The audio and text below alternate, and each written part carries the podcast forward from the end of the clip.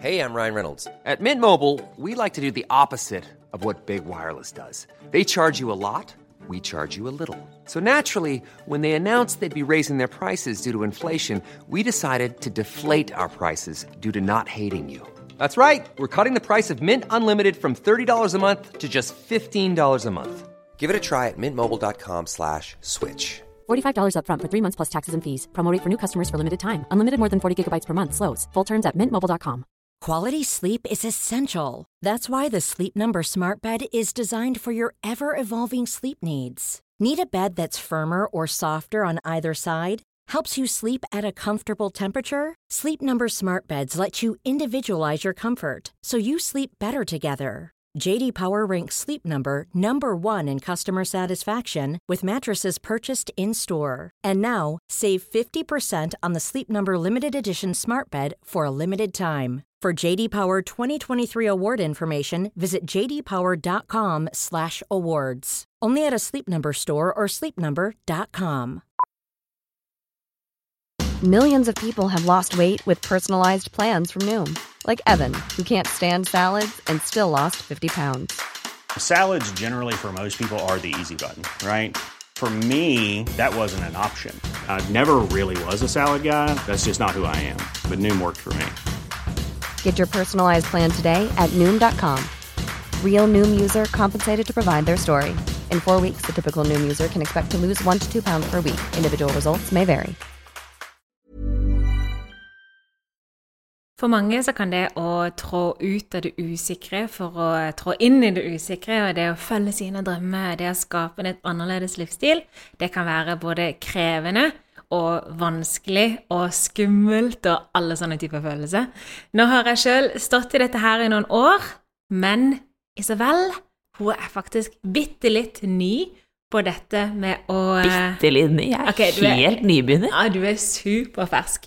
Isabel er superfersk på det å eh, trå ut av en vanlig hverdag for å skape seg en, eh, en helt annerledes drømmehverdag, om vi kan kalle det det. Fordi. Ja, livet er jo ikke en drøm, men du kan likevel ha mange drømmehverdager. Ja. Ja. Så i dagens, dagens episode av Tirsdagsklubben så skal vi snakke nettopp om dette her. Når man trår ut av det vanlige og over i det uvanlige. Alle følelser som kan være med på lasset når man da skal jakte ned drømmene sine. Så velkommen til dagens episode av Tirsdagsklubben. Nei, jeg trodde jo at uh, Jeg har tatt veldig mange em, Jeg kaller det alternative valg her i livet. Eh, jeg har flyttet utenlands tre ganger før. Først til Rio i Brasil, så til San Diego og så til New York. Så jeg trodde jeg var god på endring. Jeg trodde at jeg, som, jeg var god på å være litt rar, rett og slett. For å være litt annerledes. På å være litt annerledes.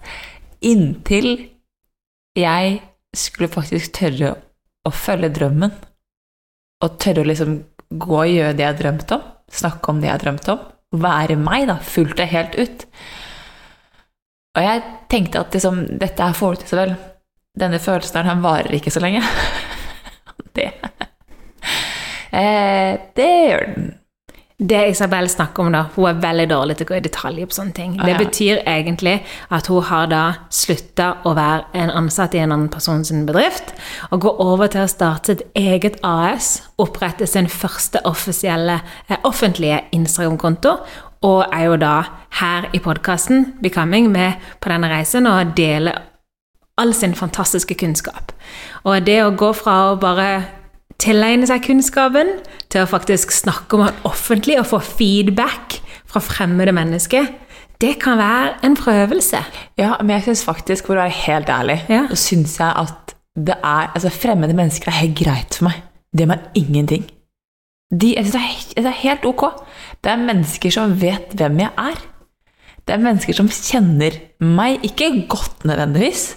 For du har liksom, du har, du har bestevenner, familie, og så har du liksom, du har nære venner, og så har du liksom sånn bekjente. Ja, ja, Og det er den bekjente delen som jeg bare syns er helt sånn Jeg syns det er så grusomt når de skal begynne å liksom høre på meg, eller når fagfolk skal høre. For det er sånn, sier jeg noe feil, driter jeg meg ut. Um, og når de kommer med feedback, så er jeg sånn «Huh, Ok, jeg, er liksom, jeg, jeg var god nok i dag også. Eh, så da jeg begynte eh, med denne podkasten med deg. Eh, for jeg liksom lanserte jo både en podkast og en egen bedrift samtidig. Det var liksom to ting igjen. Så skjønte jeg at jeg syns det var en veldig sånn stor endring. På at nå skal du liksom gjøre helt andre ting. Du må skape egen hverdag på en helt annen måte enn jeg var vant til. Eh, og så slapp podkasten, og vi fikk mye feedback. Og jeg kjente på at en del av meg tenkte Ok, sesong én ble dødsbra. Eh, hva med sesong to? Hva med det neste jeg skal prestere? Eh, så jeg kjente såpass på at her var det mye rart da, som beveget seg inn i kroppen min. Eh, mye ubehagelige følelser. Mye frykt. Mye frykt for ikke å være god nok. Frykt for ikke kunne nok. At jeg rett og slett måtte hanke inn en av mine psykologvenninner. og bruke hun som sparringspartner. Det var ok, hva, liksom, hva gjør jeg? Hadde jeg vært psykolog, hadde det vært lettere for meg da? Og så sa hun nei. Hadde du vært psykolog, så hadde du kjent på at det var, allikevel var noe som manglet. Så det var ikke tittel jeg søkte, det var den tryggheten i meg selv som per dags dato var for fersk til å ha. For vi ønsker jo alle sammen å være eksperter på ting. Men vi ønsker jo ikke å gå veien som skal til for å bli eksperten. Det er slitsomt. Det er slitsomt. Og det krever Og det krever kanskje aller mest den indre dialogen du har med deg selv. For min del så er den min tøffeste kritiker er meg selv. Eh, min største heiagjeng eh, tror jeg er min mor. eh, men jeg er veldig selvkritisk, og jeg har lyst til å få til på første forsøk. Og den dialogen jeg må ha med meg selv rundt det at det er greit Det er ok å feile, det er ok at ting tar tid, det er ok at ting liksom eh, kanskje ikke kommer til eller får ting på første forsøk. Disse tingene er noe jeg måtte må snakke med meg selv og fortelle at folk ble ikke suksess over natten. Folk fikk det ikke til på første forsøk. At uh, han som oppfant elektrisiteten, lyspæren, Mm. brukte 1000 forsøk før han fikk det til. Så det handler ikke om å ikke få til, det handler om å ikke gi opp. Mm. Uh, og at i den, det å skulle hold, ha utholdenhet, da, så er det der dialogen med meg selv kommer inn. Så jeg går mye runder med meg selv, for jeg er sånn Dette er ubehagelig. Vi driver jo begge to et AS. Jeg er på år nummer to. Nå i januar er det to år siden mitt ble starta. Eh, og ditt er bare noen få måneder gammelt. En liten baby. Eh, og begge to er jo avhengig av kunde for å få økonomi til å kunne eh, drive dette her, til å være ansatt i eget AS. Og det å gå ut der og begynne å selge seg sjøl, det, er altså det er så utrolig vanskelig. Det er bare sånn der Hei, unnskyld um, Nei, nei, nei. Hu- Hundene. Dags. Jeg har to hunder her som nå trodde at det banka på døra. Det gjorde det jo absolutt ikke. Eh, Men det, er, det å gå ut og banke på dører for å selge seg sjøl og bare 'Hei, her er jeg, og jeg er kjempeflink. Kan ikke du betale meg masse penger, sånn at jeg kan få lov til å leve drømmelivet mitt?' Det er jo så utrolig eh, vanskelig å ta det steget, og ikke minst er det vanskelig når man da møter på disse herne bekjentene som kommer med alle disse her vanskelige spørsmålene. Eller gode tipsene. eller gode tipsene, ja. Og man har jo ikke lyst engang til å ha ta den samtalen alene med seg sjøl. Langt mindre har du lyst til å ha den samtalen med mennesker du ikke kjenner. Det, og det er så utrolig mange som tør å spørre om økonomi, og hvordan de får, man får ting til å gå rundt. Og veldig mange tips og veldig mange råd, og veldig mange advarsler på alt det man ikke må gjøre her i livet. Ja, altså det er veldig mange meninger om hva som funker for, for de har hørt funker for andre. Eh, uten at de har vært borti det selv. Jeg leste eh, Rich Dad Poor Dad. At Robert T.K. et eller annet sa at folk som er helt ferske og nye eh, med det å skulle investere penger i f.eks. eiendom, veldig ofte tok imot råd fra folk som ikke gjorde det samme, som ikke hadde kunnskap om noe av det du skulle investere i, men som hadde hørt av en som hadde hørt, som hadde en som hadde hørt. Hvis vi tar imot råd fra folk som ikke står i den situasjonen vi selv står i, som ikke har gjort det vi selv gjør. Men vi er så sinnssykt gode på å synse generelt, og så er vi veldig dårlige på å handle. Så når du da skal liksom legge synsingen til side, og så deg inn og skulle handle, så blir man sånn Er det skrittet her rett? Er det skrittet her rett? Er det skrittet her rett? Jeg valgte jo å logge helt ut av Instagram for et år siden. For jeg hadde et usunt forhold til- Instagram og telefonen min generelt. Det tror jeg det er veldig veldig mange som har. Ja. Den scrollekulturen vi er i nå, er ikke bra for psyken. Ja. Nei, så jeg valgte å gå helt ut. eh, kjente på at jeg ble avhengig, eh, så jeg holdt den i seks måneder. Eh, inntil du sa at Isabel, du må få Instagram igjen. For det er bra for bedriften din. Eh, og jeg har en regel at jeg følger kun to. Det er, egen, det er deg, og så er det Becoming-podkasten. Av den grunnen av at for meg Jeg vil veldig gjerne snakke med folk på Instagram, men jeg har funnet min måte å gjøre det på. Og så kommer folk Ja, har du blitt influenser nå? Og så er jeg sånn Hvis du kaller meg influenser en gang til, så skal jeg influense et eller annet.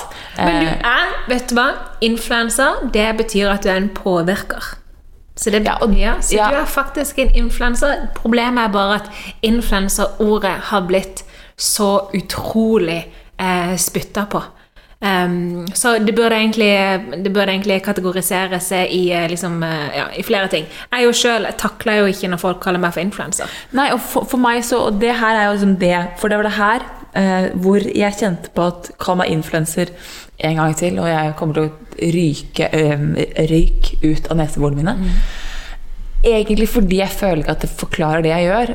Og så leste jeg i Robin Sharma, både i The 5M Club og i The Everyday Hero Manifesto, som vi nå leser, hvor han skriver om at mennesker eh, vil alltid oppføre seg i samsvar med det de tenker og tror om seg selv. Så det at jeg kunne bli så sinnssykt frustrert og usikker over det å bli definert som influenser, handlet mer om egen usikkerhet på egen reise og egen rolle, enn om hvordan de valgte å se på meg. Så det er noe av det jeg måtte, måtte jobbe mye med. er jo den, ok, Hva er historien jeg forteller om meg selv? Eh, hvilke forventninger har jeg til meg selv og egen reise? Og bruke alt det vi har lært, eh, bort til de lytterne våre i, i Becoming. Implementere alle sammen selv. Det Vision Akiani sier om at folk undervurderer hva de får til på tre år, men overestimerer hva de får til på ett, det kan beskrive mitt eget liv. For jeg har vært sånn Jeg skal få det her på en uke. Jeg skulle nailet det her i går. Du er den som kommer til meg og sier Belinda, jeg har skjønt at jeg sliter med tålmodighet. Derfor har jeg bestemt meg for å praktisere tålmodighet. Så den avtalen jeg hadde bestemt meg for skulle komme i løpet av denne uka, jeg gir det ut neste uke. Jeg var, ja, Det er ikke tålmodighet, Isabel. Jeg var, «Hæ? Eh, det er så syk tålmodighet. Jeg er jo kjempetålmodig. Jeg hører ut til en uke til. så det er liksom, jeg skulle aller helst ha gjort ting i går. Um, altså, alle, ting skulle veldig gjerne kommet mye fortere og i den rekkefølgen jeg selv hadde tenkt. Og hvis ikke det går som jeg har planlagt, så kan jeg kjenne på at jeg blir utrygg. Jeg blir utrygg i egen drøm. For det er, tenker jeg, lov å være usikker på egen drøm. Selvfølgelig. Spesielt når det er når, du, når egen drøm ikke bare er hobby eller fritid, men når egen drøm går over på det økonomiske. Det er da jeg tror man blir usikker, fordi for min del, jeg sto jo veldig lenge på en vanvittig økonomisk utrygg grunn. Vi hadde jo ikke penger til å kjøpe mat på et tidspunkt. Eh, og da er du ganske på fattiggrensa i Norge, når du faktisk må gå til andre for å få mat, og ei heller så har du em, en, du, du har heller ikke en lønn som kommer inn på en viss dato. Sant? Vi sto jo uten noe som helst eh, med min mann da vi starta vår bedrift. Eh, og det er jo der òg du har denne vanvittige drømmen om å drive ditt eget. Du mener bastant at du er flink i noe, at du kan hjelpe andre mennesker med å selge dine tjenester. Sant? Så det er det der drømmene går over på det økonomiske, men når du ikke kan betale regningene dine eller kjøpe mat, det er jo da man begynner ofte å stille spørsmålstegn til disse drømmene. Sant? Det er mye lettere i gåsetegn å em, jakte etter en drøm dersom man har en økonomisk trygghet, men du jakter ikke nødvendigvis veldig hardt etter den drømmen dersom du har en økonomisk trygghet. Hvis det gir noe mening. Ja, det gir veldig mening. Jeg tenker at det faktisk er Jeg tenker ikke at du nødvendigvis trenger den økonomiske utryggheten. Jeg tror det å jakte på drømmen sin er, er skummelt uansett hva. Ja, det kan veldig godt, det Fordi kan jeg tror, godt jeg tror at det, det å skulle realisere en drøm du lenge har båret på, hva da? Hva gjør du hvis du får det til? Det er så sinnssykt mange som jeg tror er komfortable i den tanken om at jeg kunne hvis jeg hadde prøvd. Men jeg trenger altså sånn, jeg, hadde, jeg hatt, hadde jeg prøvd, så hadde jeg fått det til. Så det er lettere å lene seg på den unnskyldningen der, enn det er faktisk det å skulle prøve å feile. For det å feile, frykten for å feile, er jo det folk som holder folk igjen hele veien. Det er jo det som holder meg igjen. Det er det som er ubehagelig. Det er jo ok, hva gjør jeg om jeg dummer meg ut? Hva gjør jeg om jeg sier noe dust? Men jeg syns jeg til tider gjør hele tiden. Uh, Og det å tape ansikt foran, Det- for, for mennesket. For mennesker, det, og det å være annerledes, det å føle seg ensom Jeg tror det å jakte drømmer, uavhengig av hvilken drøm det er, om det er bedrift, om det er idrett, om det er bygge hus, en, kan kjennes som en ekstremt ensom ting å gjøre. Ja, det er det. Det er det. Fordi det er deg om drømmen. Det er deg med deg selv om ditt mål. Og folk kan stå og heie så mye de vil, men de kan ikke gå veien for deg. Og den veien der er jo ofte lang, og den er, den er slitsomt. Jeg fikk en kommentar på Instagram en gang. Um, for du som ikke vet det, så driver jeg en Instagram-profil hvor jeg guider mennesker i hvordan de kan ta vare på plantene sine. Inneplantene sine. Og så fikk jeg en kommentar en gang der ei som skrev til meg at åh, jeg skulle ønske jeg var født med så mye kunnskap som du har eh, angående planter. Så tenkte hæ? Liksom, skjønner ikke du at jeg har sittet i time opp og time ned, uke inn og uke ut, måned inn og måned ut for å lære meg så mye jeg kan om planter før jeg starter en Instagram-konto om planter, sånn at jeg kan ha en plattform som jeg kan leve av etter hvert. Jeg er ikke født med noe som helst kunnskap. Jeg har tatt livet av så mange planter at jeg burde egentlig kalt Belinda the plant murderer. Jeg er ikke født med noe som helst, men jeg har valgt bort veldig mange ting til fordel for å sitte med nesa i bøker, for å lære, for å få kunnskap som gjør at jeg kan være verdig en plattform, for å skape en plattform som med tida jeg håper at jeg kan tjene penger på for å få et friere liv. Sant? Ding. En liten strategi der, altså. Men det er veldig mange som, som tror at mye At de som på en måte får det til i gåsetegn, at de får ting gratis, og de ser ikke den vanvittige ensomme veien vi har stått på. Nei, og det kan hende at du har venner For jeg har, jeg har jo støttespillere rundt meg. Jeg har mennesker som ser på en måte som har troen på meg. Og det er veldig fint. Men det er dager hvor jeg ikke har så veldig mye tro på meg selv. Eh, det er dager hvor jeg kjenner på at i dag må jeg langt ned for å hente opp mot. Jeg føler meg ikke inspirert. Eh, jeg føler meg uerfaren ikke kunnskapsrik i det hele tatt. Eh, andre dager så er jeg bare i flyten og bare boom, boom, boom, skyter liksom kåt ut etter kåt ut. Og andre dager så er jeg bare sånn Nå vet jeg ikke hva jeg skal si for noe. Jeg er helt tom. Jeg har ingenting. Så bare Å ja, du var en fake, Isabel. You're just a fake one. Ah, du er en fakie. Du er en fakey, ikke sant? Så jeg har, altså, det her eh, kjenner jeg jo på hele tiden. Og så har jeg vært veldig heldig for at har jeg veldig mange fine klienter og fått det. Eh, og få være med på reisen deres. Og det er jo nesten mer inspirerende for meg å se de gjøre jobben. For da er jeg sånn Ok, hvis de gjør jobben, så må jeg jobben, for jeg må jo lære de. Når, altså, sånn, de kan ta meg igjen, da, så må, jeg blir pushende i meg selv, men det er en sånn Jeg vet ikke, det er et vakuum inni meg som er nesten frykten for å ikke kunne nok. Den er litt overveldende til tider. Frykten for ikke ha nok Tanken om at hadde jeg bare hatt en psykologiutdannelse, så hadde jeg vært tryggere med meg selv. Hadde jeg bare hatt der, der, der, der, der. tenker, Hadde jeg bare vært gartner, Ja. så Men, kunne jeg snakka på en annen måte. men igjen, jeg har en bachelor i media, jeg har en master i mass media, eller media eh, studies. Jeg har, en, jeg har en utdannelse. Jeg jobber ikke med det. Jeg er veldig, veldig klar over at hadde jeg blitt psykolog, så hadde jeg mistet veldig mange av mine perspektiv. For jeg kommer jo inn i denne bransjen, i den verden, på en helt annen måte enn det f.eks. psykologer gjør, eller familieterapeuter eller gestaltterapeuter eller psykiatere. Jeg har et helt annen innfallsvinkel. Og det er det som er så fint, for dette, man kan jo faktisk være med og bidra med å se ting fra et annet perspektiv. Og det er jo faktisk noe av tilbakemeldingen vi har fått fra mennesker i psykologiyrket. Det er jo at det er forfriskende å, å få et annet perspektiv på ting. Absolutt, og jeg har jo eh, noen psykologer, spesialister, som jeg bruker en del, fordi ah, jeg trenger elsker å kjenne på at hjernen ekspanderer når jeg snakker om disse tingene her. Men også fordi jeg kjenner at jeg trenger veiledning på hvordan jeg kan bli et bedre menneske, spesielt overfor meg selv.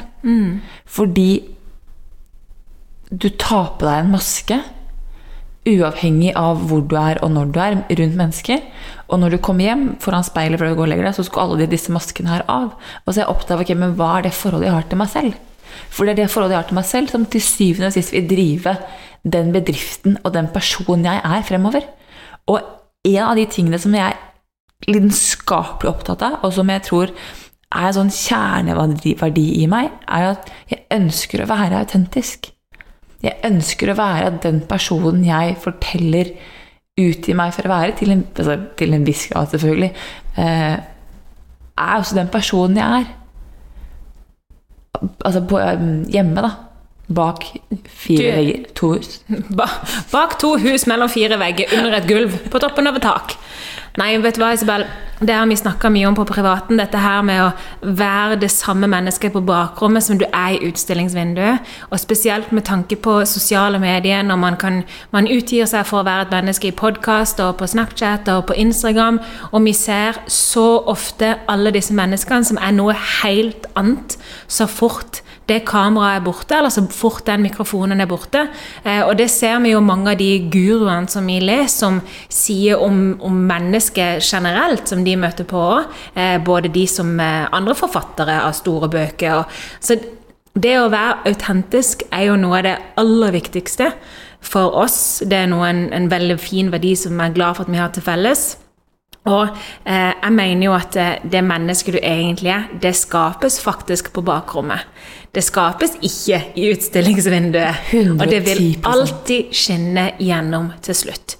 Hvis jeg hadde stått her og fronta gode verdier, hyggelige tanker, eh, sunt kosthold, men bare snakka smekk og vært ei skikkelig kønt eh, behind the scenes. Som jeg selvfølgelig har mye følgere på sosiale medier. Det er mange som liker å si at jeg egentlig er skikkelig, skikkelig rake motsetning privat. Så jeg er så utrolig glad for at jeg kan legge meg med en clear conscience og vite at hver eneste dag så gjør jeg faktisk det beste jeg kan for å være et veldig veldig fint menneske, og for å kunne se andre mennesker med sympati og med kjærlighet og med Kan jeg si sympati, eller brukte jeg det feil nå? Du brukte det feil. Med empati og kjærlighet og forståelse. Eh, Det betyr ikke at jeg er skinnhellig, det betyr bare at jeg gjør mitt beste jeg kan for å være et bedre menneske enn det jeg var i går. Og du kan ikke gjøre mer. Du Nei. kan ikke gjøre mer enn det å gjøre det beste du kan. Og det er vel det du sier om det at du skaper personen der på bakrommet, det er jo der jeg har skapt meg selv. Eh, den personen som sitter her, og som er lidenskapelig opptatt av å lære, av å vokse, av å ekspandere, av å på en måte kunne mer, prøve nye ting, hun ble, hun ble og blir skapt i mine rutiner. Mm, når du er helt Når jeg er helt alene, og jeg foretrekker å være mye alene fordi jeg trenger å gå innover. Fordi den eh, Når du kommer fra et sted hvor du har en, hatt en veldig dårlig dialog med deg selv, hatt en veldig sånn nedlatende dialog med deg selv, og vært veldig, veldig, veldig stygg, som jeg har vært med meg.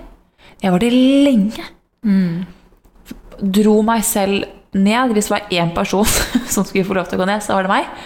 Jeg er litt sånn som Dido, som I'm going down with my ship. Ikke sant? White Flag-sangen. Så når jeg begynte å få et, bygge opp et bedre forhold til meg, så er det som at det forholdet er blitt så viktig for meg. Jeg har så lyst til å videreføre det. Det er vittig, for jeg leste nettopp òg at um, sånn som du snakker til andre, det er sånn som du snakker til deg sjøl. For jeg er noen ganger overraska over det mennesker kan lire fra seg, spesielt da på sosiale medier. Ofte så er jo dette her voksne mennesker, som også mange av de er foreldre, og de lirer av seg altså Noen av de tingene jeg har sett skrevet om meg, er helt sånn nærme What? Like, hvordan kan et menneske si så stygge ting? Og da tenkte jeg på dette her som Robin Sharma, jeg tror det var han som sa det, at folk snakker til andre slik de snakker til seg sjøl. Vis medfølelse og kjærlighet. Og jeg skal si deg en ting. Når du leser mye dritt om deg sjøl, og du da er opplært til å sende kjærlighet til dette mennesket, det er en prøvelse, skal jeg si deg. Jeg har aldri slitt så mye i mitt liv som de gangene jeg må sette meg ned i en forbanna meditasjon for å sende kjærlighet til mennesker som hater deg. Men det funker, da. Det, det, it clears your brain. Men det er så viktig å tenke på hvem er du når du er helt alene? For det er veldig mange som her er veldig annerledes enn det de ville være rundt mennesket. Men når du klarer å være autentisk nok til at det mennesket du er når du er helt alene, det er det samme mennesket du ville vært dersom det hadde vært tilskuere eller andre mennesker i rommet, da begynner du å nærme deg dette med å være autentisk. Og da jeg sjøl gjorde dette her, denne endringa i mitt liv, da, da måtte jeg gjøre Det var veldig mange rutiner og vaner som måtte komme på plass, som ikke var der. Det var alt ifra det å rense huden før leggetid, noe så overfladisk og teit som det. Dersom jeg var med eh, min søster eller min mor eller en venninne, så ville jeg naturligvis rense huden før jeg la meg. Når jeg var alene, så var litt sånn øh, Fuck it, jeg går bare og legger meg. Hvem bryr seg? Sant? Og så våkner du opp med skrukkete hud og føler deg ikke helt tipp topp. Eller dette med å stå opp tidlig og gjøre noe godt for seg sjøl. Drikke et glass vann, strekke litt på kroppen, bitte litt yoga. Dersom jeg hadde mennesker rundt meg, så er det viktig for meg å vise at jeg er et menneske som drikker vann, jeg har sitron i vannet, og jeg gjør mine yogarutiner. Se på meg, I made it in life. Men dersom jeg var alene, så lå jeg lenge i senga, bare scrolla på telefonen, brydde meg ikke om noe som helst. Så det å implementere implementere eh, eh, Hva heter det for noe? Eh, Vane, rutine, mikroseg? Ja, vane, rutine, mikroseg. Nei, dette Transparency.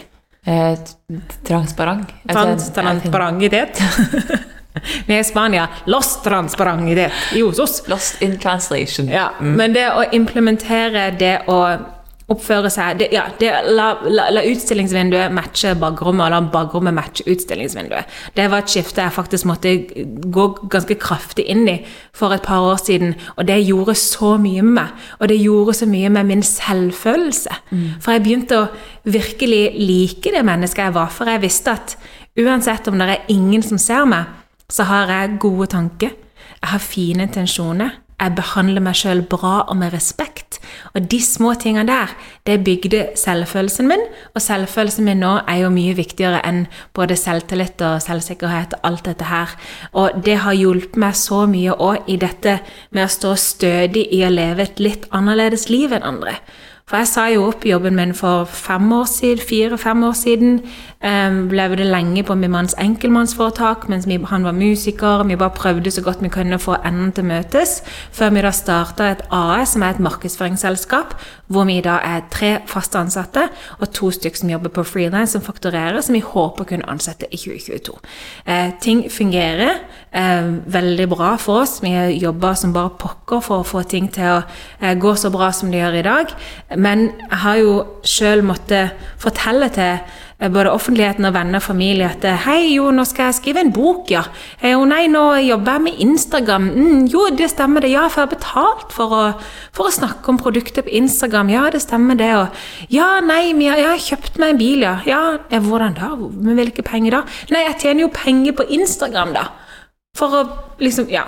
Det har vært veldig vanskelig å det er vanskelig å få når du skal prøve å passe inn i en annen menneske sin boks.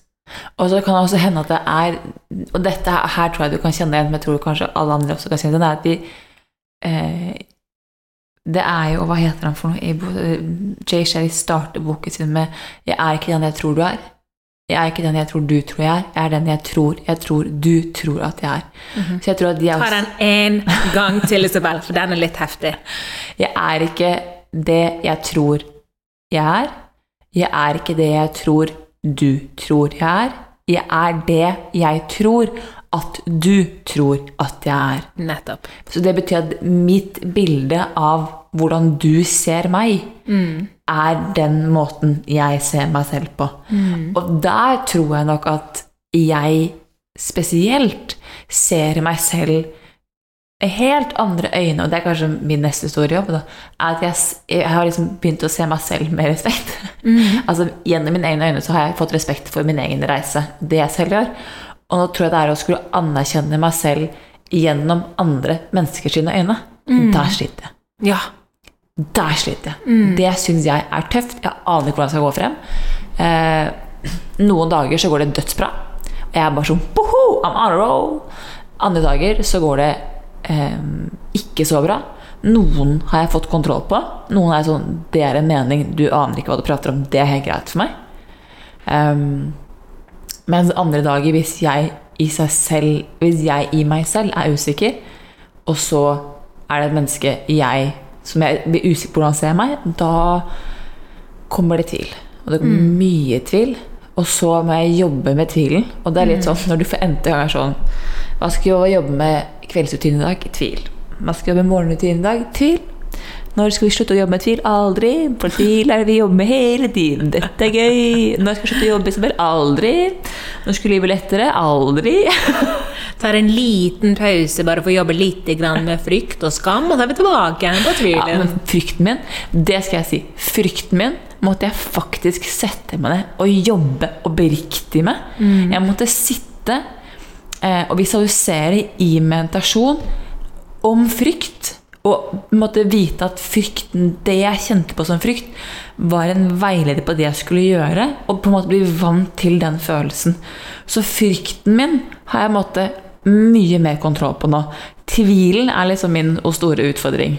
Den der, spesielt den indre tvilen på meg selv. da. Hva går dette her egentlig? Får jeg det til? Så jeg er sånn Jeg vet ikke helt. Nei. Skal vi gjøre det? Jeg vet ikke helt. Ok, hva er det som holder deg igjen? Hvorfor vil du? ikke sant? Og, det, og kanskje også, ikke minst, det å finne ut av nå, nå snakker jeg fra en som har startet helt eh, Som fortsatt går i bleier. Det er det jeg kaller mitt eh, AS for at jeg går i bleier. Eh, hvor skal jeg legge fokuset? Hva skal jeg velge å fokusere på? Eh, Hva er viktigst? hva er viktigst, og hvordan skal jeg unngå å sammenligne meg selv med folk som har vært oppe på markedet i mange flere år enn meg? For det er det man gjør veldig ofte. Man starter. Det krever det krever mye å starte noe. Det krever mindre å opprettholde det. Men det man gjør, er at man sammenligner sin egen dag 1 med andre sine dag 5000. Og der kan det være så utrolig vanskelig. Men fortsatt så sitter jeg der. Nå er jo vi et, et selskap som det funker. Ting funker, sant? Men fortsatt så har jo jeg jo den der Hva hvis dette går til helvete? Hva i all verden gjør jeg da? Og det er så mange år som lurer på hva ønsker jeg å falle tilbake på dersom ting ikke fungerer? Dette er et legit spørsmål jeg får veldig mange ganger. Da er jeg heldig som har en bror som sender meg mye motivasjonsvideoer. Den ene han har sendt meg, som jeg er veldig glad i, den er jo Denzel Washington, som snakker til graduates i Husker ikke hvor, men han sier i hvert fall alltid at Don't fall backwards, fall forwards. Og den holder jeg Ja, I know, han er så jæklig bra. Ja. Men den prøver jeg alltid å tenke på. Hva, hver gang den er Hva hvis tanken kommer til meg? Hva hvis dette går dårlig? Hva hvis vi mister alle kundene våre? Hva hvis vi ikke er så flinke som vi tror? Hva hvis, hva hvis, hva hvis? Så snur jeg det bare til det motsatte. Hva hvis vi faktisk er mye flinkere enn det vi tror? Hva hvis alle kundene våre at det vil gå bra med alle. Altså, alle som opplever noen ting. Du har fått mange kunder nå. Noen av de kommer til å være misfornøyde. Jeg har hatt mange kunder. Noen av de kunne ikke hjelpe. Vi har ikke en suksesshistorie i alle våre kunder. For det skal man heller ikke. Man skal gjennom, liksom, man skal gjennom jungelen for å finne bananene si. Men, men hva hvis alt vil bli større enn det du noen gang kunne se for deg? Hva hvis du oppnår alle målene dine? Hva da? Hva hvis? Ja, hva hvis Jeg så akkurat en fantastisk fin sånn Disney-film, litt sånn undervurdert Disney-film, som heter um, 'Meeting the Robinsons'. Som handler om en liten gutt som uh, forsker som tryner og feiler og feiler og feiler. feiler, feiler.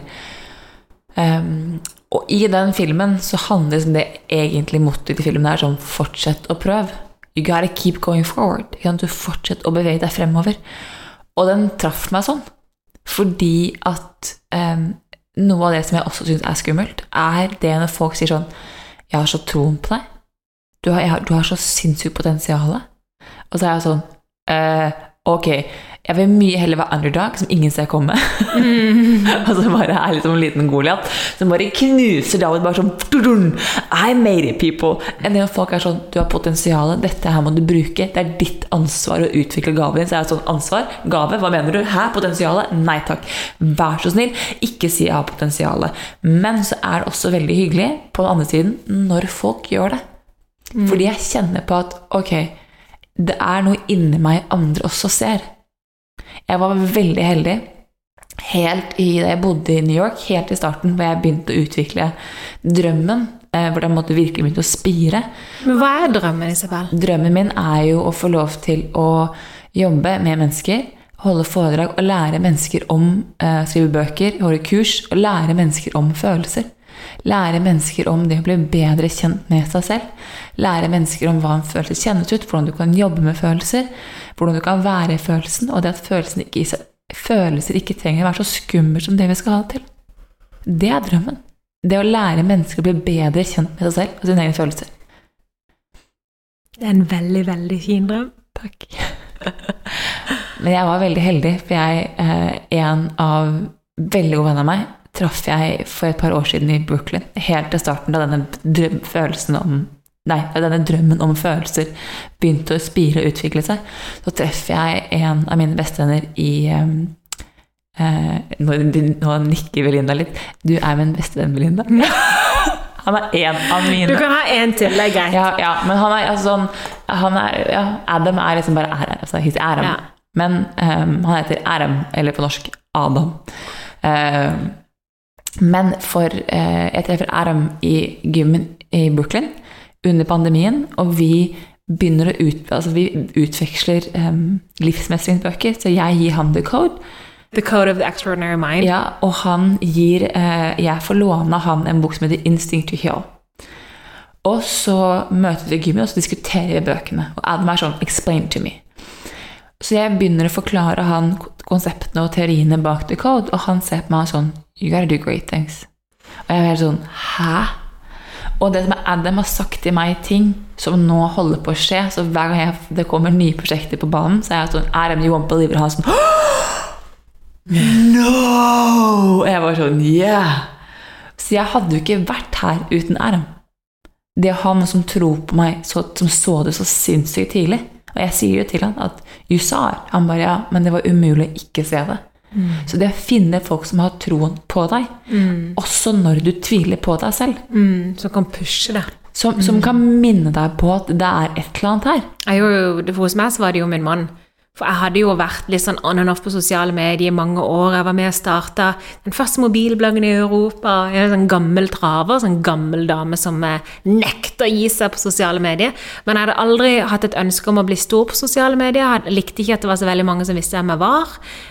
Og holdt meg liksom alltid litt sånn i bakgrunnen.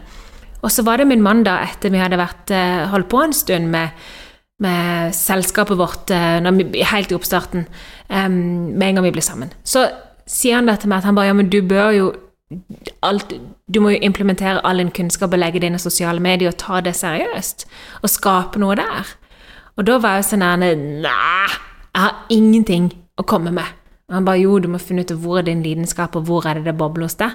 Og så må du da gripe det an, lage en strategi, ta det seriøst og gjøre det. For den, bare for folk som lurer på bobler, ja. da er det sånn Det er ikke sjampis. Det. Det er den følelsen du får inni kroppen når du er lidenskapelig gira over noe. Ja. Når du kjenner at 'yes'. Ja. Når klokka bare flyr, og du ikke har Ja. Det føles ikke som jobb, da. Nei. En lidenskap, rett og slett. Okay. Så han var jo den som måtte se det hos meg òg.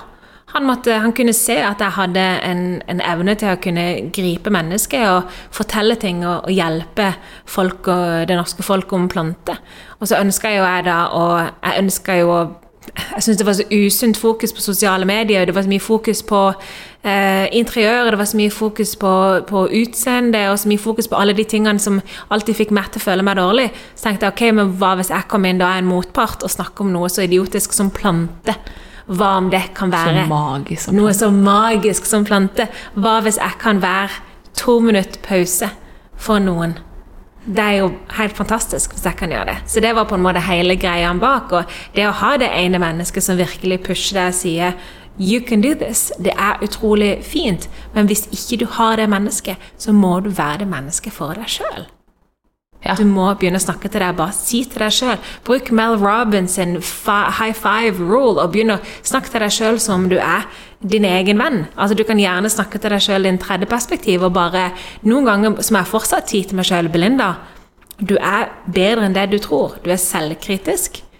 Husk det. Alle selvkritiske. Beyoncé ser garantert seg sjøl i speilet og syns ikke at hun er Beyoncé. Hun ser bare seg sjøl som en mor, en sliten mor, og en kvinne og en produsent av noe. Altså, jeg bare ser for meg den, det, den masken hun tar av når hun kommer hjem. Den er heftig, ass. Den er heftig, ja. Så vær din egen beste venn og begynn å pushe deg sjøl. Og igjen, hvis du sitter på en drøm, og du har så lyst Hva hvis dette faktisk vil funke for deg? Og det skal jeg si at jeg hadde jo Jeg satt jo på en drøm og hadde lyst til å bygge, og så er det så gøy, fordi sånn som jeg er, så kommer han inn Altså sånn, Det der er sånn universet det er, en, det er så sinnssykt rart hvordan det møtet skjer, og hvordan vi bare ender på å bo i samme bygg, og hvordan vi bare connecter, og hvordan det vennskapet på en måte fortsatt i den dag i dag lever. Vi snakker sammen nesten hver dag, og hvordan vi begge to er så evig takknemlige for at vi backer hverandre i begge våre drømmer. Um, men jeg kan se tilbake i dag og tenke at wow, mitt første skritt på mot drømmen min var rett og slett det å bli kjent med Adam. Fordi ved å ha ham, så kunne jeg stå stødigere. Og så fikk jeg måtte, den kunnskapen opp og gå, lærte mer og mer og mer, og så kommer ting litt sånn fallende inn ettersom når tiden var inne for det.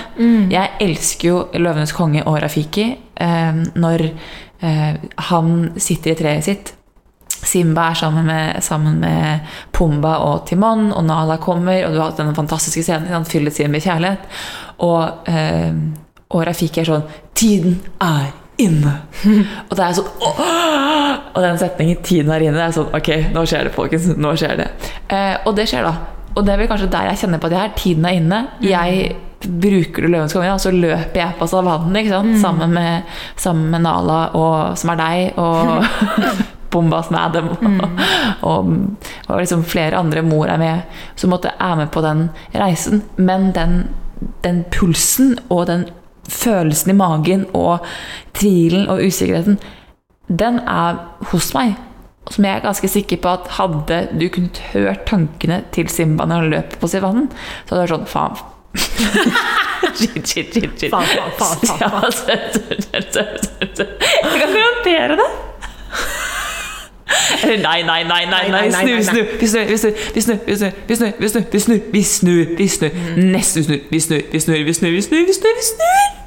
Mens man går fremover. Ja.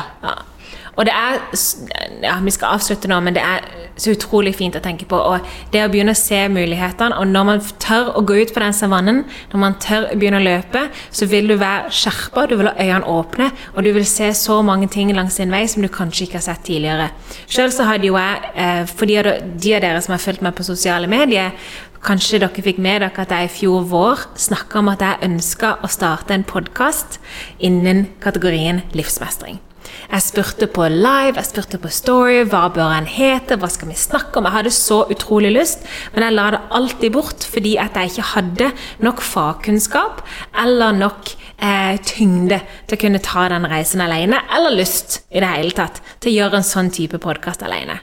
Og så kom Isabel. Du kom inn i livet mitt igjen, og vi bare Boom! Dette er det vi skal gjøre. Og Ja. så kom denne podkasten hit. Og det er jo det som er så gøy, fordi du har jo sagt at jeg kommer ut, når du går ut av bilen for å hente meg For første gang. Jeg har ikke på tre år. Ikke på tre år. Så er det sånn Nå skjer det noe stort. Jeg stoppa opp, jeg skulle ta, åpne bilen for å hente deg på toget, og så stoppa jeg opp og bare sånn Dette er begynnelsen på noe. Nå skjer det noe. Og det var helt vilt, Ja. den følelsen. Og så mye vi har skapt siden da. Alle prosjektene som kommer nå i 2022 med Becoming, og alle tilbakemeldingene vi får. Nei, det er, det er en utrolig fin reise. Og tenk hvis vi aldri hadde turt. Tenk hvis vi hadde aldri turt å følge drømmen vår, Isabel. Det, veldig, det har vært en veldig trist verden. Uten oss? Ja. Nei, men, nei, ikke sånn uten oss, at, men, men det har vært en trist verden for meg. Mm. Hvis jeg skulle leve livet jeg ikke turte å følge drømmen min. Hvis jeg kunne tenke ja, men jeg hadde hvis jeg hadde prøvd. Mm. Jeg tror faktisk at det er Når det til syvende og sist så er det bedre å ha feilet, tror jeg, Mm. enn å ikke ha prøvd. Det å måtte tenke at ok, men jeg forsøkte i hvert fall. Jeg har prøvd. Mm. Jeg lærte noe av det. Jeg var modig. Og det tror jeg liksom at det er noe som jeg skal ta med meg. Men til deg der ute som enten har lyst til å starte noe, som drømmer om å starte noe, Eller gjør noe. eller gjør noe, eller som holder på Jeg heier på deg. Jeg heier på alle sammen som tør. Jeg heier på alle sammen som prøver. Jeg heier på alle sammen som drømmer.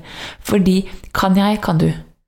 Og så er det viktig å huske på at alle som har fått det til her i livet Vi starta med én kunde, med én følger på sosiale medier, med ett salg. Og veldig ofte så kommer det salget fra eh, foreldre. Mamma var den som kjøpte min første kaffe. Mamma var den som kjøpte den første julekalenderen jeg lanserte. Mamma er den som kjøper alt når jeg, gjør, når jeg lanserer noe. Hun er alltid den nummer én. Og alle vi som har fått til noe, vi har starta med bare én. Så hvis du tør å være ærlig med deg sjøl, om deg sjøl, så ville jeg òg gått skikkelig inn i meg sjøl og funnet ut av hva slags drømmer skal jeg jobbe mot og lansere i 2022. For dette er søren meg året for selvutvikling. Dette er året hvor du som lytter skal ta, tørre å ta deg sjøl på alvor. Og det er helt ok å feile, det er helt ok å falle, men det som ikke er ok, det er at du skal sitte med masse drømmer inni deg og ikke tørre å realisere dem. Du, altså sånn, det var noen som sa det til meg, at du fratar faktisk verden muligheten å få lov til å oppleve deg gjennom drømmen sin. Nettopp. Åh! Nå fikk jeg stive nipler, Ja, den ganske var fin. bra. Ja. Da avslutter vi eh, for dagen, og eh, takker for at du hører på Tirsdagsklubben. Takker for at du tør å ta deg sjøl på alvor. Og husk at denne reisen her er for deg og deg alene. Ikke for alle rundt deg, men for deg. Så ses vi, neste, og heller høres, neste tirsdag. Tirsdag om to uker. Tirsdag om to uker. Tirsdag om to uker. Ha det. Ha det!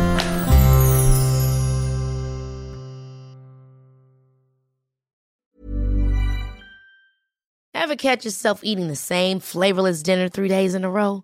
Dreaming of something better? Well, HelloFresh is your guilt-free dream come true, baby. It's me, Kiki Palmer.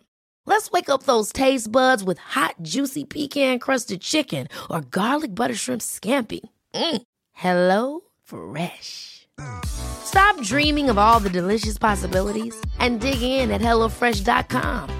Let's get this dinner party started.